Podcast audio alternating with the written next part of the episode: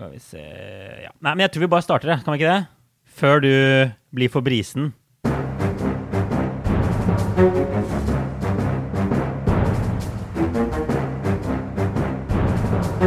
Ok, da trøkker vi til med en uh, ny og vi får si sommerepisode av Aftenpodden USA. Kristina er eh, veldig fornøyd om dagen. Sist var det is, og nå sitter hun med et lite glass vin for å sette sommerlista. For å sette sommerlisten. Nå er det jo eh, fredag kveld da her i Norge, så det er vel lov å, å liksom bare, bare, ta seg et knøttlite glass med hvitvin. Det må være lov. Det må være lov. Og ellers så må jeg jo si at jeg sitter her og svetter for det at jeg må ha vinduene igjen og alt lukket for at ikke det skal, ja. jeg skal ødelegge lyden, så jeg siler av svette for alle dere lytteres skyld. Så jeg syns dere kan unne meg det lille glasset med vin. Jeg tror alle unner deg det glasset her. Det har vært et uh, sinnssykt halvår, og du jobber langt ut i sommerferien ja. mens andre har fri. Men ja, som sagt, denne poden spilt inn på en fredag fordi vi har spilt den inn på forhånd. For når lytterne hører dette, så er jeg, da, uh, USA-korrespondent Øystein Langberg, på ferie. Antageligvis i New York, men etter hvert så skal jeg også til Igjen. Oslo. Ja, jeg har jo, har jo, litt fri, da, men nå har jeg en ordentlig lang tre-fire ukers ferie. Eh, ja, hvor jeg skal vende hjem Takk. Hvor jeg skal vende hjem til gamlelandet. Og det gleder jeg meg veldig til. Jeg har ikke vært i Norge siden jul. Ja. Så det har vært en skikkelig, skikkelig lang periode. Det er fortsatt veldig kronglete å reise fram og tilbake mellom Norge og USA. Og særlig å komme seg inn i USA er ikke lett. Fortsatt ikke lett. Må du i karantene her i Norge, eller? Jeg har helt mistet oversikten. Ja, det, og det har endra seg fra uke til uke. Men eh, nei, jeg slipper karantene i Norge. Jeg er fullvaksinert og registrert i det norske systemet. Så det slipper jeg. Karantenehotell. Da er det ikke sikkert jeg hadde kommet hjem hvis det hadde vært 10-11-12-13 eh, dager på Gardermoen eller på Jessheim på karantenehotell. Ja. ja. Ferie på Gardermoen er liksom ja. Halve ferien går med, går med, der ute.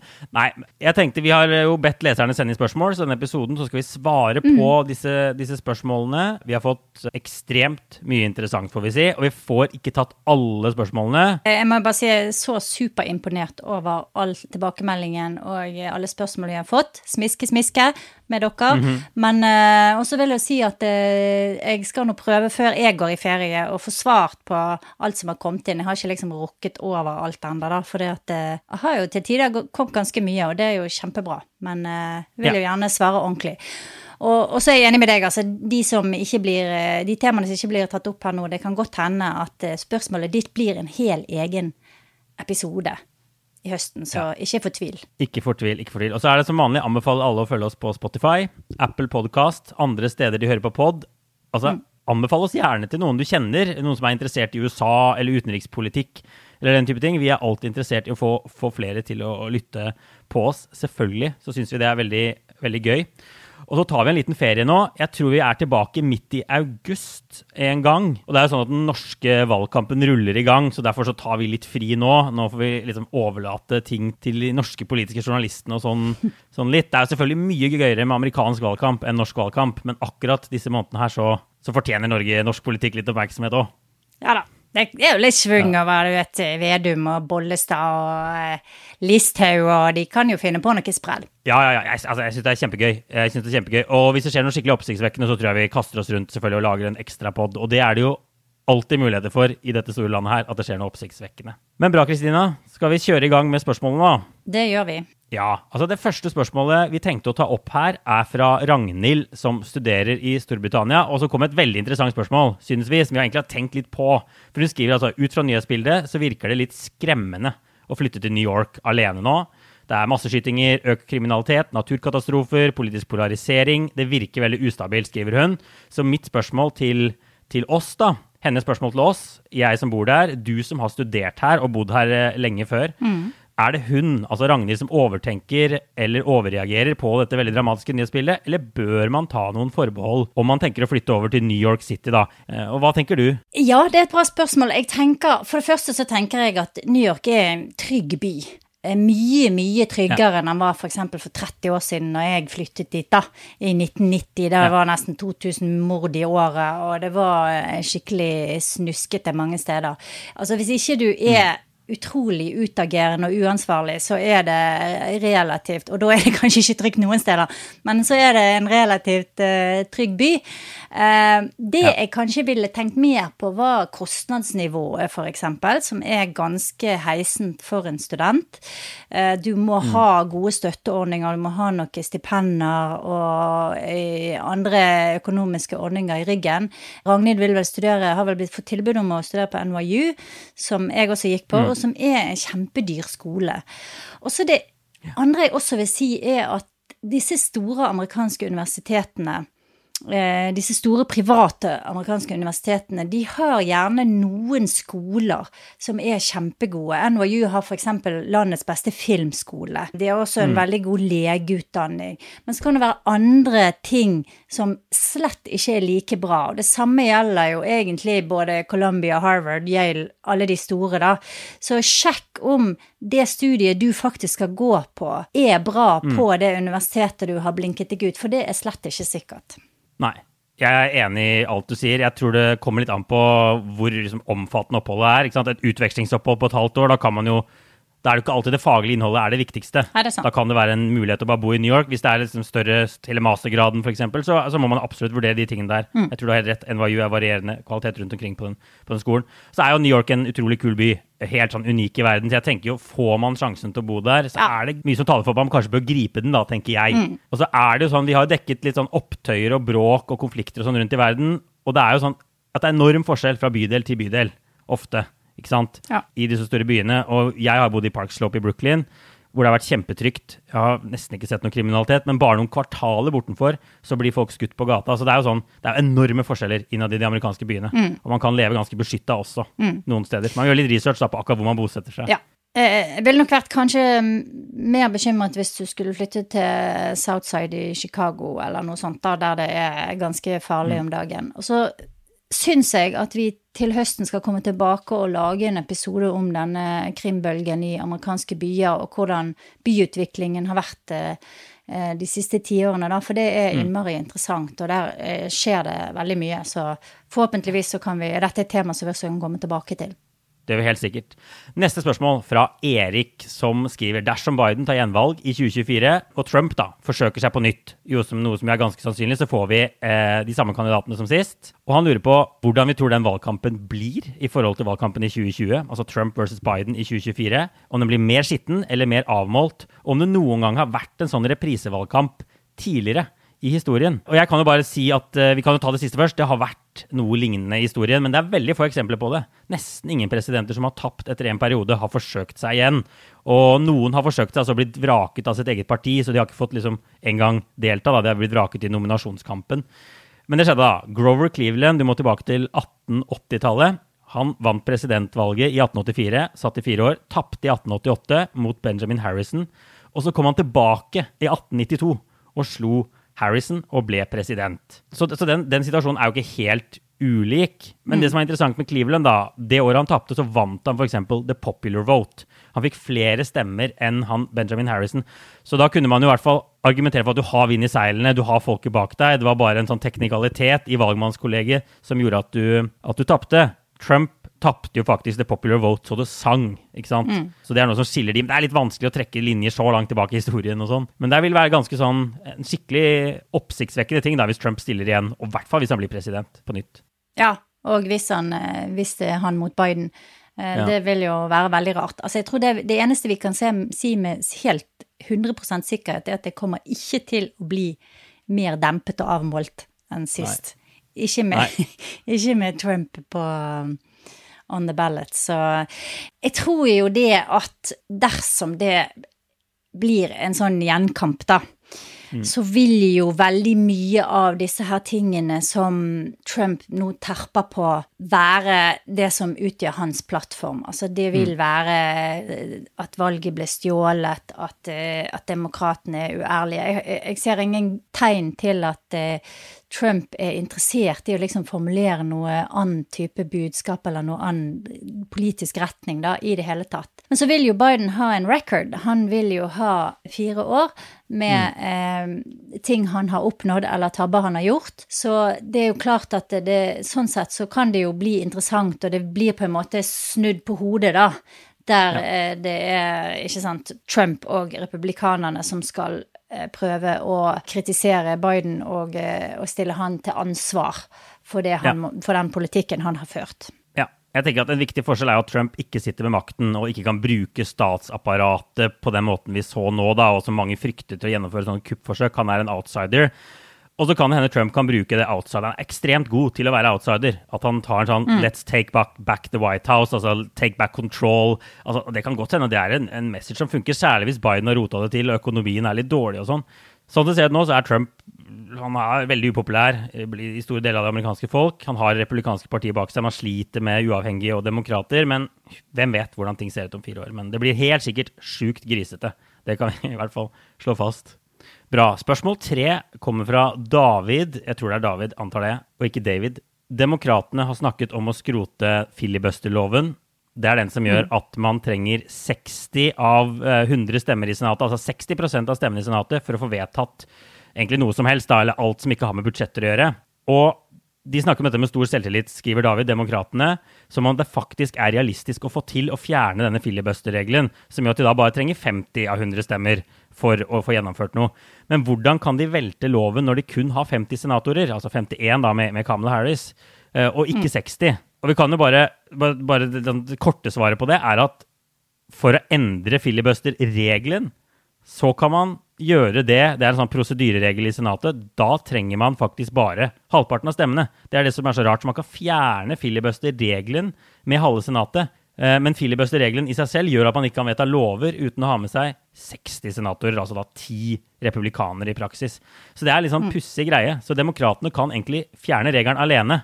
Men så er det en del ting i partiet da, som gjør at man ikke har lyst til å gjøre det. Det er en noen senatorer som syns det er en dårlig idé, rett og slett. Men vi får si litt mer om denne filibuster-regelen. Den er jo kommet Vi snakker masse om den. Den er blitt veldig, veldig aktuell under Bidens presidentskap. Ja. Og det som egentlig filibusteren er, det er en avstemning om å avslutte debatten før en avstemning for en sak. Ja. Så det er egentlig en litt sånn kronglete greie. og Det er ikke en lov, det må vi bare slå fast med en gang. Dette er en regel. Og så er i Senatet så er det masse veldig kronglete regler, og det handler om presedens, og det handler om litt sånn et slags offisielt regelverk. Og, og så er det en prosedyre, ikke sant, når de skal introdusere en, en sak. Så det først, må det først liksom fremmes på, på Senatet. Det gjøres av, av eh, majoritetslederen. Mm. Eh, og så er det debatt om den saken.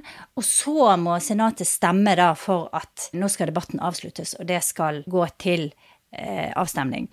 Mm. Og det som skjedde veldig lenge, det var at for å gjøre en filibuster, så måtte en senator stå og snakke og snakke og snakke. Eh, ja. På en måte til de bare ga opp og ha den avstemningen, da. Og så har det nå de siste årene så har det vært sånn at hvis de vet at de ikke får de eh, 60 stemmene som skal til, Mm. Så trenger ikke de engang å liksom gjennomføre selve filibusteren, som er det der å, å, stå og snakke i all evighet, da. Jeg tror ja. en av senatorene leste hele Moby Dick, eller i hvert fall store deler av det. Det er masse på, legendariske på stories. Masse, masse sånne stories. Og så er det liksom to forskjellige måter de kan eh, gjøre dette her på med å fjerne den. Det ene vil også kreve 60 stemmer, så vidt jeg har forstått, hvis de skal ja. offisielt be om å endre reglene. Men så kan de gjøre det på en annen måte, der de setter en ny presedens. Mm. Og det kan gjøres ved at en senator fremmer et forslag, og så er det en prosess rundt det, og så eh, bestemmer da et rent flertall at nå har vi satt en ny presedens. Og det har jo faktisk blitt gjort f.eks. når det gjelder utnevnelse av en del dommere. Ja, utnevnelse av en del dommere. Før trengte man 60 stemmer det var filibuster-regelen som ødela. Nå kan man dunke gjennom dommere med 50 stemmer. Trump fikk en høyesterettsdommere, han uten å ha med seg masse demokrater. Mm. Så, så, det er mulig. Da. Det er, sånne, det er en snarvei til å fjerne filibusteren, som gjør at de kan få mm. vite antageligvis mye mer av politikken sin. Og så er bare spørsmålet om de klarer å å overbevise de moderate demokratene om å fjerne filibusteren. Frykten er jo at når demokratene har mista makten, så er det også da fritt frem for republikanerne å gjennomføre masse politikk. Det blir mye enklere å gjennomføre politikk og reversere demokratisk politikk. Ja, og det amerikanske systemet er jo basert på det man kaller for checks and balances. Så det er jo konstruert for å være stabilt på den måten at man ikke skal kunne gjøre veldig store endringer uten at det er en bred konsensus om at de endringene faktisk skal skje. Så det å, å liksom endre på det systemet er ganske sånn skjellsettende og en stor eh, forandring etter hvordan amerikanerne har laget politikk i flere hundre år. Men på den annen side så er det jo nå så Det er jo altså Først så er filibusteren brukt veldig mye mer de siste tiårene enn det har vært gjort noen gang før i historien. Og for det andre så har det vært så mye eh, trafikkork da, i Kongressen at de klarer jo nesten ikke å få noen ting gjort. F.eks. immigrasjonsreform eller infrastruktur, som er sånne der kjempestore samfunnsproblemer som egentlig alle har en interesse av å løse og få gjort, men de klarer bare ikke å få noe til. Så kanskje så er det det eneste som som kan liksom løse opp i den floken, da, men, men samtidig så kan det jo føre til fryktelig store svingninger etter hvem som har eh, hvem som har makten, og på en måte en, en veldig sånn inkonsekvens i, i den praktiske politikken. Say hello to a new era of mental health care. Cerebral is here to help you achieve your mental wellness goals with professional therapy and medication management support. 100% online. You'll experience the all new Cerebral Way, an innovative approach to mental wellness designed around you. You'll get a personalized treatment plan from a therapist, prescriber, or both in a safe and judgment free space.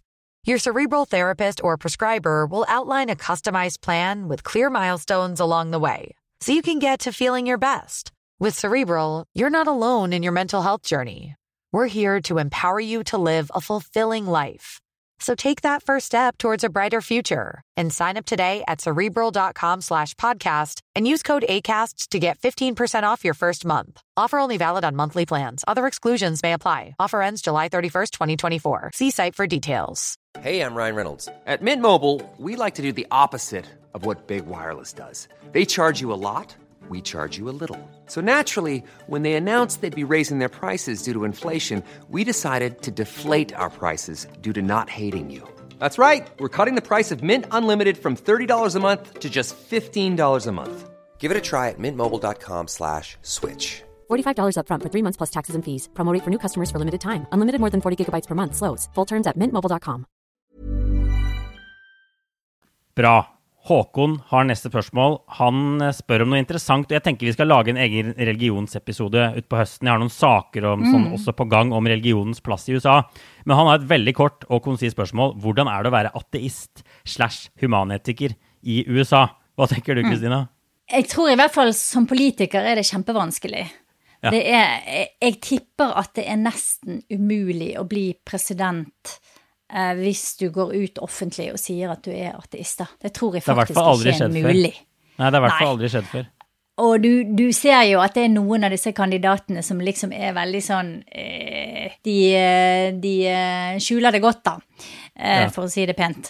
Men eh, det er jo en voksende andel ateister i USA, helt klart. Og det kan nok hende at det er endringer på gang, men, i, men USA er et samfunn som er veldig religiøst. Og det er basert historisk sett på masse religiøse grupper som kom til landet, også fra Norge. ikke sant? Haugianerne var noen av de første som utvandret fra Norge. Eh, og kirkene, synagogene, andre, de andre religiøse samlingsstedene, de var navet i disse her små samfunnene som utvandrerne etablerte. Og det Ja. var liksom der alle samlet. Det var, det, det var liksom hele Det var det bankende hjertet i samfunnet, og det har det egentlig fortsatt å være. På en helt annen måte enn det er i Europa. Ja, det er veldig annerledes. Jeg kikka på noen meningsmålinger før denne episoden da jeg så vi fikk inn det spørsmålet. Det er sånn at Gallup de spør velgerne om Altså hvis, hvis eh, de finner en velkvalifisert kandidat fra ditt parti som stiller som president, og den kandidaten er, og så fyller de inn ulike sånne ord, ville du da stemt på, den? Og så sier over 90 av amerikanere at de ville stemt på en velkvalifisert kandidat som er svart, jødisk, katolsk, latino. 76% ville stemt på en homofil kandidat. Og så sier kun 60% ateist. Ateist ligger på bunnen sammen med sosialist. Som er bare Ja. helt sånn fascinerende. De ville heller stemt på altså, Muslimer har jo fått gjennomgå i USA. Det har vært mye diskriminering hans siden 9-11. Men muslimer også. altså Mer sånn populært, da. Mer akseptabelt blant folk. Så ateist som politiker er bare Særlig blant republikanere, men også blant demokrater. Det, det bare liker de ikke. Og jeg så også at Det er veldig få som sier til meningsmålere at de er ateister. Det er en god del som sier at de ikke tror på noe sånn spesifikt. Men selvidentifiserte ateister er sånn 4% av befolkningen eller noe. Så det er tydelig at det er bare fortsatt de er litt sånn persona non grata i USA, som er veldig spesielt. Ja, og det er rart, for det er jo et land som har et sånn skarpt skille mellom eh, stat og kirke, egentlig, da. Men eh, jeg tror at eh, det er veldig langt frem i fremtiden fortsatt, før vi vil se en ateistisk president Ja. i USA. Bra. Neste spørsmål fra en som jeg tror heter Sara. Noen ganger har vi bare fått sånne navn på Instagram, og vi må bare prøve å tolke litt. Hun spør meg da hva jeg gjør som korrespondent til daglig, og hva jeg gjør når jeg ikke er ute på reise. Så jeg tenkte jeg bare skulle svare kort på det. Altså, livet mitt er jo egentlig litt sånn delt i to. Arbeidslivet mitt. Jeg er ute og lager reportasjer, reiser rundt i USA. Eh, Du har jo også gjort disse tingene, Kristina, da du var, du var jo min forgjenger.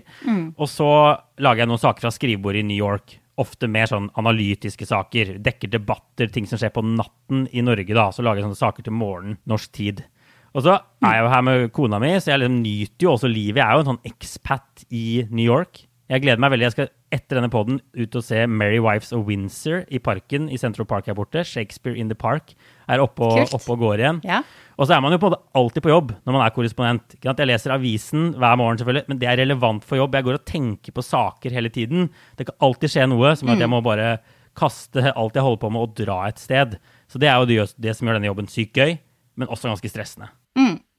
Ja, jeg tror det er egentlig den viktigste forskjellen fra å liksom være en vanlig journalist som jeg er nå, da. Men eh, det er at du, du, du må liksom alltid være Du er egentlig alltid på vakt, og du er sendt for å, for å være det. Og så kan det være uker der det egentlig skjer ganske lite, og du ikke har en spesielt travel eh, dag i det hele tatt. Og så har det er det uker som er bare sånn helt crazy, og der, der, det, der du må jobbe døgnet rundt. Det er jo ofte sånn at det liksom det sklir litt inn i helgen, og det, det, det er ikke sånn fryktelig mange dager som der du har helt fri.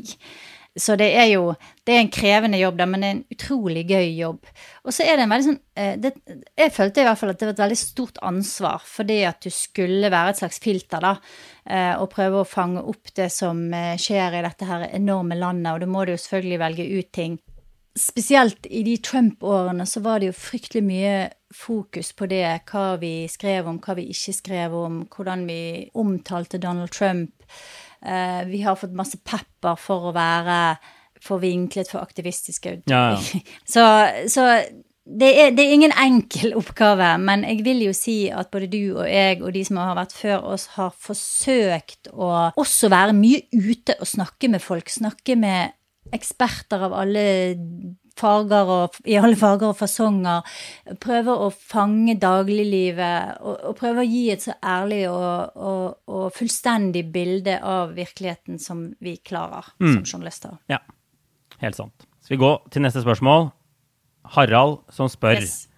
Det later til at velstanden er ujevn i USA, altså ujevnt fordelt. Kan dere si noe om hvilke stater som er verst og best stilt? Og det er jo et litt interessant spørsmål. Vi lagde jo en episode annet om West Virginia tidligere, om alle problemene i West Virginia. Den er fortsatt verdt å høre på. Jeg var nylig i Mississippi. Det er jo stater som gjør det dårligst på rangeringer når man ser på helse, tilgangen på helsetjenester, hvor lenge folk lever, hvor, altså fedme, alle disse tingene, diabetesforekomst Ja. og sånn. Men så er det også interessant med byer som New York, fordi jeg tror nok innad i Mississippi for eksempel, så er velstanden jevnere fordelt. Det er mange som ikke har så mye, det er ikke så mange superrike, mens, mens mange av disse demokratiske byene, og det er jo et sånn talking point for republikanerne, det er jo de største velstandsforskjellene er jo i New York. Du kan ta T-banen i en halvtime og gå fra de, noen av de rikeste områdene i verden til noen skikkelig fattige, stusslige, hva vi får si, farlige områder. Ja, og jeg tenker eh, det, det er et veldig interessant spørsmål. Jeg tenker akkurat som du gjør, at det er det er jo litt sånn relativt, ikke sant? For du kan ha et ganske fint liv i West Virginia. Hvis du har en utdannelse, hvis du får deg en ganske god jobb, har familie, så kan du, så kan du leve ganske bra i West Virginia på en ganske sånn eh, moderat lønn. I California er det nesten umulig. California vil jeg jo si kanskje er den delstaten som sliter mest med de der forskjellene, fordi at det er så dyrt å bo der. Eh, Det er, gjør at selv om du har en ganske god jobb, har utdannelse, la oss si du er lærer eller du er eh, sykepleier eller noe sånt, så, så klarer ikke du å tjene nok til å egentlig få endene til å møtes da. Så det er jo et av de store problemene som stater som New York, stater som California eh, har. Så det er ikke et enkelt svar på det der, og det kan hende at de som har det best, tror jeg da, er jo de som flytter til disse her litt sånn halvstore byene som vi har snakket om før, som, der det er etter hvert et ganske bra tilbud.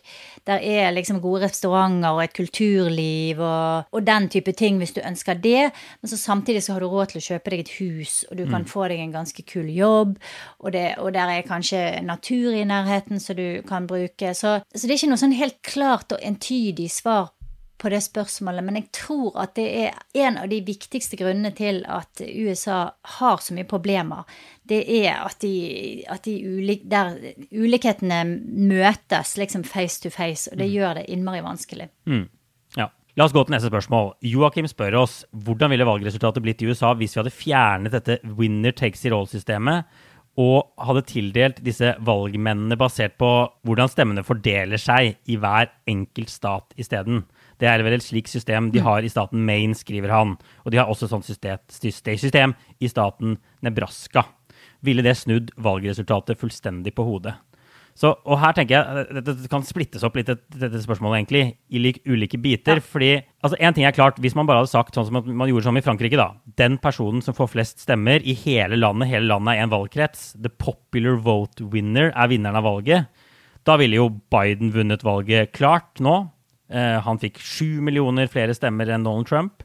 Clinton ville vunnet i 2016. Da antagelsen at alt annet er likt, men at du bare endrer valgsystemet. Vi kan komme tilbake til hva det ville betydd å endre valgsystemet også. Så det er jo én ting. Bare si den som får flest stemmer i USA, blir president. Det ville åpenbart endret valgresultatet ganske mye. Jeg tror det bare er én gang jeg siden 1988 at republikanerne faktisk har fått flest stemmer i presidentvalget. Og det var George Bush i 2004. Ellers har demokratene vunnet the popular vote i hvert eneste valg. Så det kunne jo fått ganske mye å si. Men det systemet de har i Maine og Nebraska, er litt annerledes. Eh, det er ikke helt sånn proporsjonalt. Det man egentlig gjør der, er å gjøre litt sånn som i Storbritannia. at man deler bare, Hvis man skulle gjennomført det i hele USA, så ville det vært litt som å bare innføre masse sånne små valgkretser over hele USA. Eh, og så sagt vinneren i hver enkelt valgkrets får én valgmannsstemme. Så det gir ikke 100% proporsjonalitet, et sånt system. Det vil fortsatt være mye winner takes it all i et sånt system. Det er jo veldig stor eh, diskusjon, og jeg kan ikke egentlig nok om dette her til å uttale meg veldig kvalifisert, men det er jo sånn at i de fleste land så ligger det en eller annen brøk eller formel bak hvordan man, eh, man teller opp stemmer. I Norge så har de f.eks. en slags eh, metode, St. Lax-metode heter det, som er grunnlaget for hvordan de regner det ut i Norge, da. Mm. Det, det, er basert på en litt sånn komplisert brøk. Ja. Eh, jeg skal ikke prøve å forklare det engang, men, men det er ikke sånn i Norge heller at, at det bare er liksom eh, de som får flest stemmer, som eh, får flest plasser i Stortinget osv. Og, så og det handler jo også om at representasjon skal også være geografisk, ikke sant. Det er ikke kan ikke bare være sånn at den byen som har flest folk, eller den delstaten som har flest folk, skal, skal, liksom bestemme alt. Men det er jo en avveining, og det er jo det man har prøvd å gjøre i USA med det systemet de har laget. Og så har det kanskje blitt litt for mye vekt på eh, delstatenes makt, ja. og litt for lite makt til flertallet, da. Flertallets ja. ønske, på en måte. Ja. Så, så, det burde vært justert, og det burde vært eh, reformert, det valgsystemet. Men, men, jeg tror ikke det at det å liksom bare eh, innføre et sånn enkelt flertallsvalg, det er vel eh, egentlig ikke sånn aktuelt. Nei, det løser ikke så veldig mye for demokraten. da. Jeg, jeg regna litt på det. Man kan regne ut det som skjer i Maine, er jo at man, den som vinner delstaten, får to valgmannsstemmer, og så fordeler man noen valgmannsstemmer basert på mer sånn geografiske kongressdistrikter. Hvis man hadde innomført dette mm. systemet mm. i hele USA, så ville Biden endt opp med 276 valgmannsstemmer. Han ville fortsatt blitt president, men det er færre enn de han egentlig fikk. Han fikk 306 eh, valgmannsstemmer. Ja. Så, så det, ville en, det, ville ikke vært en, revolusjon. Og demokratenes grunnleggende problem ville fortsatt vært der. Det at de er veldig konsentrert i noen kretser, i noen byer. Og så er republikanerne litt sånn bedre spredt utover landet. Eh, og så er det noen som har mm. regna på et litt mer sånn norskaktig system, da, hvor man har på en måte statene blir som fylker, og man fordeler stemmen litt sånn proporsjonalt i hvert fylke. Og da så jeg at noen har regnet at da ville Trump vunnet 2016 likevel over Clinton, selv om Clinton egentlig vant til popular vote. Fordi det er jo fortsatt man har dette statsnivået, som du sier i Norge. Det er ikke sånn nødvendigvis alltid sånn at den som får flest stemmer, får flest At den representasjonen på Stortinget er 100% lik da, stemmene. Men Nei. da, vil, ja, da ville Trump vunnet med knappest mulig margin. Men, så, så, men den store revolusjonen ville jo vært man fjerner statsnivået og bare sier den som får flest stemmer i USA, blir president. Og det er folk som pusher på for det. Men det som er viktig å ta med seg, da, er jo at det ville endret valgkampen også helt. Man ville drevet valgkamp over hele USA. Også republikanerne ville jo måtte tilpasse seg det.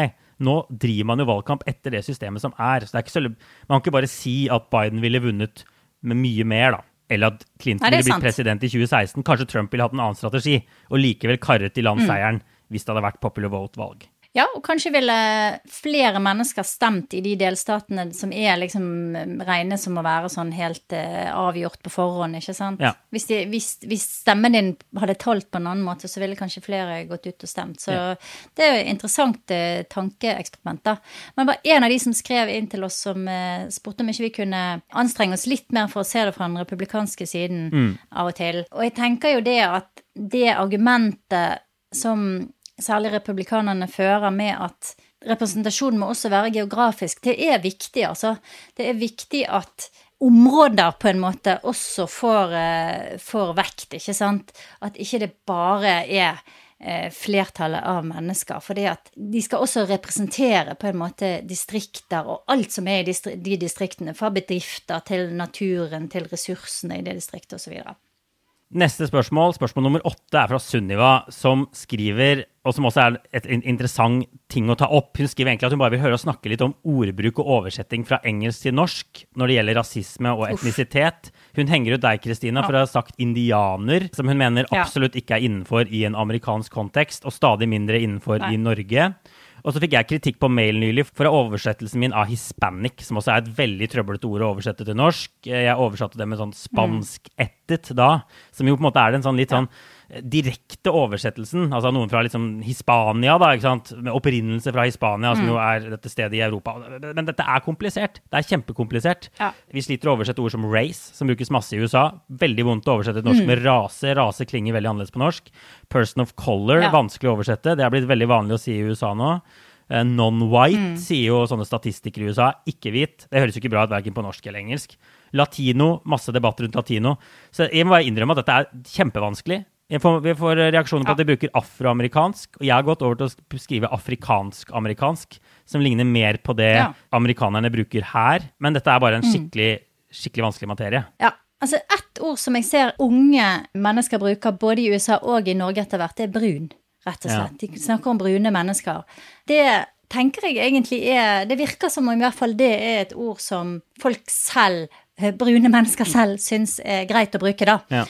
Så det eh, har jeg brukt en del ganger, og så har jeg fått noen reaksjoner på det også, og da fra egentlig fra litt sånn eldre folk som er litt sånn Er det greit? Og det vanskeligste er jo dette her hispanic, som du også trekker frem, fordi at det handler om en veldig eh, mangslungen gruppe, og i, i blant hispanics i USA så har du jo masse folk som ikke har noe med Spania å gjøre. Altså De fleste meksikanerne er jo nedstammet fra urfolk Ja. i, som, som aldri har uh, hatt noe med Urfolk, noe og da sier du urfolk, gener. Altså, det, ja, ja, det er er det, er det feil? Nei, nei, det er riktig. Det er riktig. Du fikk jo kjeft for å ha sagt Ja. indianer. Det er jo sånne ting. Ja, Vi, det er jo ja, ja. vanskelig å holde tunga rett i munnen, særlig på en podkast, men også når vi skriver. Vi må jo bare innrømme det. Uh, Så vi jobber jo med disse tingene her hele tiden. Men, uh, men i hvert fall så, så tenker jeg at det er en litt sånn Det er et rart konsept, for du har folk på Cuba, folk fra Mexico, puertoricanere, og alt det blir bare liksom sauset i det uttrykket hispanics, Ja. eller latinx er det jo også noen som kaller det i, i USA, da, med, med liksom utgangspunkt i at de snakker spansk. Ja. Og, og det, det er egentlig et begrep som kanskje er litt sånn utdatert, men det har nå satt seg da, som en sånn kategori som folk liksom får på sånne skjemaer og sånn. Ja. Men, det- men det er nesten umulig å, å, å oversette til norsk. Og jeg liker egentlig best å bare bruke hispanic, for jeg tenker at det er det, det, er det amerikanerne selv bruker da. Ja. Det, det, det, er, det er vanskelig. Og noe, noe av problemet her er at vi, mange amerikanere er veldig sånn komfortable. Det er veldig mye snakk om etnisitet og valg, f.eks., på en helt annen måte enn i Norge. De snakker om the black vote. Og så skal vi oversette disse tingene. Og når en meningsmåler spør om hispanic, så betyr det egentlig noe litt annet enn latino, f.eks. Så vi kan ikke bare skrive latino. Så, så noe av det er bare at amerikanerne har en litt sånn annen offentlighet og en helt annen debatt rundt de tingene her. Noen liksom reagerer på at jeg snakker om hvordan stemme svarte velgere, som om det er liksom en gruppe. Mens det er jo veldig mye snakk om Dette i USA, der er det jo dette noe av det aller viktigste. Det er liksom utdanningsnivå og, og etnisitet og hvordan ulike grupper stemmer. Og så kan man jo komme seg rundt hispanic der ved å skrive 'gå lange omveier'. Og det kan man gjøre i rapporter og sånn, Ja. men vi som journalister skal ofte lage en tittel og sånn. Men vi, altså, vi er bevisste rundt det her, da. Det er det jeg prøver å si. Det er ikke så lett. New York Times hadde en artikkel for noen år siden om, eh, om sånn Hispanic actresses og, og representasjon, og der eh, hadde de liksom tatt med eh, skuespillere fra Spania, altså sånn Penelope Cruz og sånn, som de talte opp da hvor mange hispanic det var i, i store filmer, eller hva det var. Og det ble jo kjemperart, ikke sant? Å ta, plutselig ta med noen som kommer fra et, eh, fra et land i Europa. Så amerikanerne strever jo selv med dette her også. Ja, og for å si det da, urfolk, jeg er enig i at urfolk er eh, kommet for å bli som et ord for, eh, for det vi før Ja. kalte indianer, men jeg intervjuet en person fra amerikansk urbefolkning her for noen dager siden, som kalte seg selv Indian. Ja, de bruker det en god del selv, og de snakker om Indian reservations fortsatt og sånn, da. Ja. Men det betyr ikke at vi skal bruke det nødvendigvis eh, i overskrifter og sånn. Nei, Men det bare, det må avlæres. Ja. Life is made up of many gorgeous moments. Cherish them all, big and small, with Blue Nile. Whether it's for yourself or a loved one, Blue Nile's unrivaled selection of expertly crafted fine jewelry and statement pieces help make all your moments sparkle. Blue Nile's experts are on hand to guide you, and their diamond guarantee ensures you get the highest quality at the best price. Celebrate a life well lived in the most radiant way and save up to 30% at BlueNile.com. That's BlueNile.com. Hey, I'm Ryan Reynolds. Recently, I asked Mint Mobile's legal team if big wireless companies are allowed to raise prices due to inflation. They said yes. And then when I asked if raising prices technically violates those onerous two year contracts, they said, What the f are you talking about, you insane Hollywood ass? F- So to recap, we're cutting the price of Mint Unlimited from $30 a month to just $15 a month. Give it a try at mintmobile.com slash switch. $45 upfront for three months plus taxes and fees. Promo for new customers for limited time. Unlimited more than 40 gigabytes per month. Slows. Full terms at mintmobile.com. Ok, siste spørsmål før vi går over til litt obligatorisk refleksjon. Altså, det er en person som eh, jeg ikke vet navnet på, men som også har et interessant spørsmål. og hvis vi går litt, Dette er litt historisk spørsmål, da, men eh, han lurte på hva som gikk galt i forbindelse med John McCains valgkamp. Dette er 2008, Obama mot McCain. For på papiret så virket det som han var den perfekte kandidat som kunne vunnet over masse demokrater, og også få med seg sitt eget parti. Men sånn gikk det ikke. McCain ble knust, får vi nesten si, av Obama. En av de klareste valgseierne i nyere tid. Obama slo ham med over 7 prosentpoeng i the popular vote. Så hva var det som gikk galt for McCain, egentlig? Han ble jo litt sånn helt etterpå, også i Norge Ja. og rundt omkring i verden. Ja, hindsight is 2020 er jo et godt uttrykk her. Eh, Jeg var eh, i USA hele den høsten og dekket den valgkampen, og eh, John McCain um, var jo for det første ikke en veldig god kandidat. Han hadde et litt sånn det der springende utgangspunkt. Han klarte ikke å formulere noe bra budskap. Eh, han virket gammel og utdatert mot eh, Obama, som var liksom ung og fresh. Han valgte Sarah Palin som eh, visepresident, som jeg tror faktisk trakk han ganske godt ned. Og selv om hun, hun skapte liksom entusiasme, men, han, men hun gjorde også at han ble enda mindre valgbar, tror jeg, for, for mange sånne independents og folk som satt på gjerdet. Og så var han jo en sånn fyr som var Han, han, han stilte som kandidat med det der Maverick. Han var en Maverick. altså Han var en sånn outsider som bare liksom skjøt fra hoften og gjorde eh, Og gikk sin egen vei og sånn. Og det passet liksom litt dårlig med tidsånden. Altså USA var liksom nettopp falt ned i et dypt hull, ikke sant, i finanskrisen. Og eh, de var satt med holdt på å si til halsen i gjørme i, i Irak og Afghanistan. Bush var ekstremt upopulær. Det hadde kommet frem utrolig mye dritt om hvordan amerikanerne hadde drevet med tortur. Og, altså det var kjempemasse problemer. Og Obama kom inn med et veldig sånn optimistisk budskap. Han hadde egentlig noe av det samme som Trump hadde. ikke sant? Eh, Trump hadde 'Let's make America great again', men Obama var sånn 'hope and change'. Altså, mens McCains budskap var egentlig sånn 'stem på meg, for jeg er en maverick'. Altså, jeg er en litt sånn der eh, tøff krigsveteran, ikke sant. Og jeg husker så godt eh, når jeg skjønte at dette kom til å gå skikkelig dårlig for McCain, da var jeg, jeg skulle lage en sånn anké som er sånn at du spør masse forskjellige folk eh, eh, hvem du har stemt på og hvorfor. Og så hadde jeg liksom funnet alle jeg skulle ha til eh, Obama, og så skulle jeg prøve å finne tror jeg, ti stykker som hadde stemt på McCain. Og jeg klarte ikke å finne ti stykker. Og jeg spurte og jeg spurte og jeg spurte. Og de eneste jeg fant, var liksom sånne der menn på over 70 som hadde vært i militæret, da. Og det nærmet seg deadline mer og mer og mer, og ble mer og mer desperat. Det var i New Jersey, tror jeg. Og da jeg liksom skjønt at ok, jeg klarer liksom ikke å hoste opp ti mennesker. Vi reiste rundt, kjørte rundt på forskjellige valglokaler og ja. Så eh, det var rett og slett en blanding av en dårlig valgkamp og veldig sånn feil budskap for, eh, for den situasjonen USA var i, i 2008. Ja. Da tror jeg vi går over til litt obligatorisk refleksjon, og vi kjører videre på liksom spørsmålstemaet vårt. Altså, det, er, det er jo ikke til å komme unna liksom, at vi synes jo Norge er et bra land. Det synes nesten alle som kommer fra Norge. Det er veldig mye som fungerer. Vi ender ofte opp med å snakke om hva som ikke fungerer i USA. Det er jo litt journalistikkens natur også. Men nordmenn kan jo liksom fort bli litt sånn selvgode og belærende. Så i dag så skal OR-en rett og slett være altså, hva er USA bedre på enn Norge? Hva er en ting vi liker bedre med USA enn med Norge? Vil du gå først? Jeg har valgt innovasjon. Jeg tenker at USA er utrolig god på å prøve nye ting, på å finne opp nye ting, på å skape. Eh, og det er alt fra liksom tullete filmer til ekstremt eh, avansert eh, teknologi og vitenskap. De har en nysgjerrighet, og de har en ureddhet som jeg tror er kjempeviktig i den prosessen, da.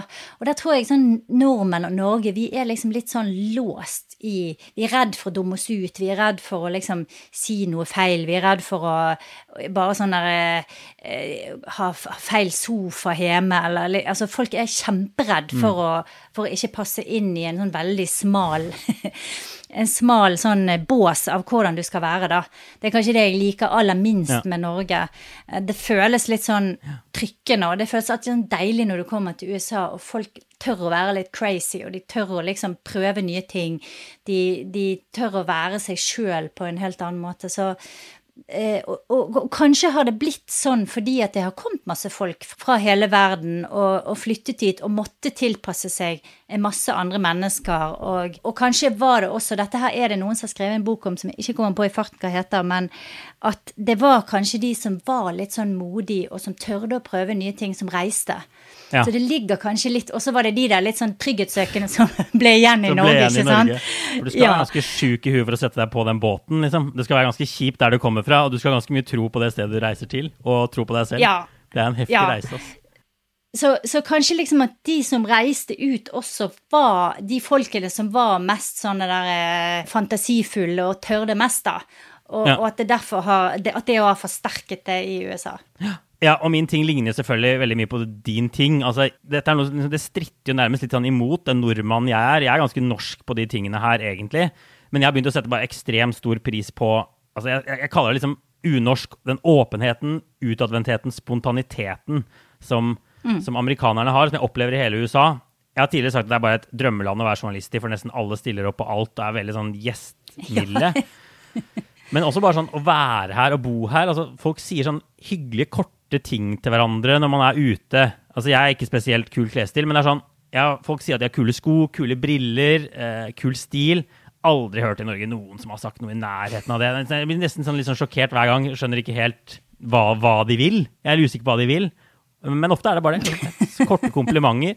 I går så var jeg ute på og spiste på en restaurant i Astoria. Nydelig gresk restaurant. Og jeg var der fordi jeg og min eh, fotograf Nora vi var nye i New Orleans på tur i Louisiana. Og da satt vi og spiste, og så var det noen som spurte oss hva, hva er det vi spiste. De snakker til folk på nabobordet og sånn her. Eh, Det gjør vi jo veldig sjelden i Norge.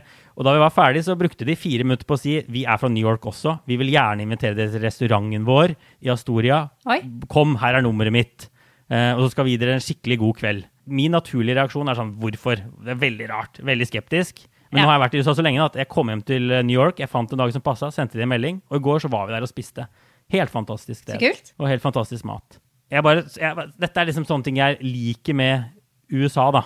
Jeg vet ikke hva det er, men jeg tror det er en sånn spontanitet og utadvendthet. Plutselig kjøper folk liksom en kaffe i kaffekøen til en person foran seg. Let me take that, liksom. Så bare betaler de for har, kaffen din. det har skjedd med meg. Det har skjedd Veldig med meg i Florida. Ja, okay, Det var kjempefint. Det var en sånn der eh, morgen når jeg, alt hadde gått galt, og jeg eh, hadde sittet oppe hele natten og skrevet en sak som ingen ville lese. Ingen klikk. Og så så jeg sikkert helt eh, grønn ut i trynet, og så sa han mannen bak meg i køen jeg tar og betaler for kaffen din, du ser ut som du trenger det, ha en god dag. Det var bare Ja. helt utrolig fint, altså.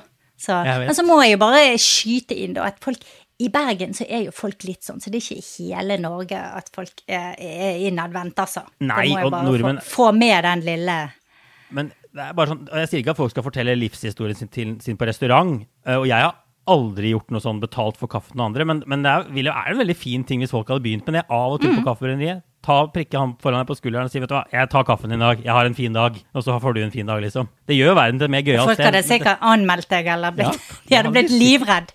Det hadde de sikkert gjort. Det hadde de sikkert gjort. Nei da. Ring til politiet. De gir litt beng. De gir litt beng her. Så det er litt sånn, jeg bare ja, tenk på det. Det er sånn også Det er litt fint. sånn, det amerikanske mangfoldet det er litt sånn at det gir mer mangfold når det er mangfold. Det er en sånn fyr borti parken her, i Central Park, som sykler rundt med en sånn stor høyttaler på sykkelen sin og synger karaoke. Og du får bare med deg 20 sekunder hver gang, for han sykler rundt i parken. Han skal ikke ha penger eller noe, han bare elsker å synge. Og det er så mye rare folk i parken der at jeg nå vurderer å ta med meg rulleskia mine fra Norge og begynne å gå på rulleski i parken. For jeg vil ikke engang være den liksom tuseneste rare Altså det vil være tusen andre i Central Park som er rarere enn meg den dagen. Hvis jeg går rundt her på rulleski Ja, ja. som en sånn tullete nordmann. Og så blir parken enda et sjukere sted. Ja, men det syns jeg du skal gjøre. Det høres ut som en god plan. Ja, det høres ut som en god plan. Du, jeg tror vi setter strek der, Kristina. Vi tar en sommerpause. Og for de som bare ikke kan få nok av USA, så går det an å, gå tilbake og høre på noen av de podene vi har laget tidligere i år.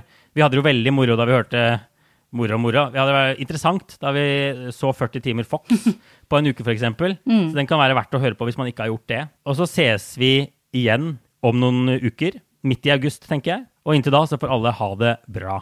Ha det, ha det. God ferie.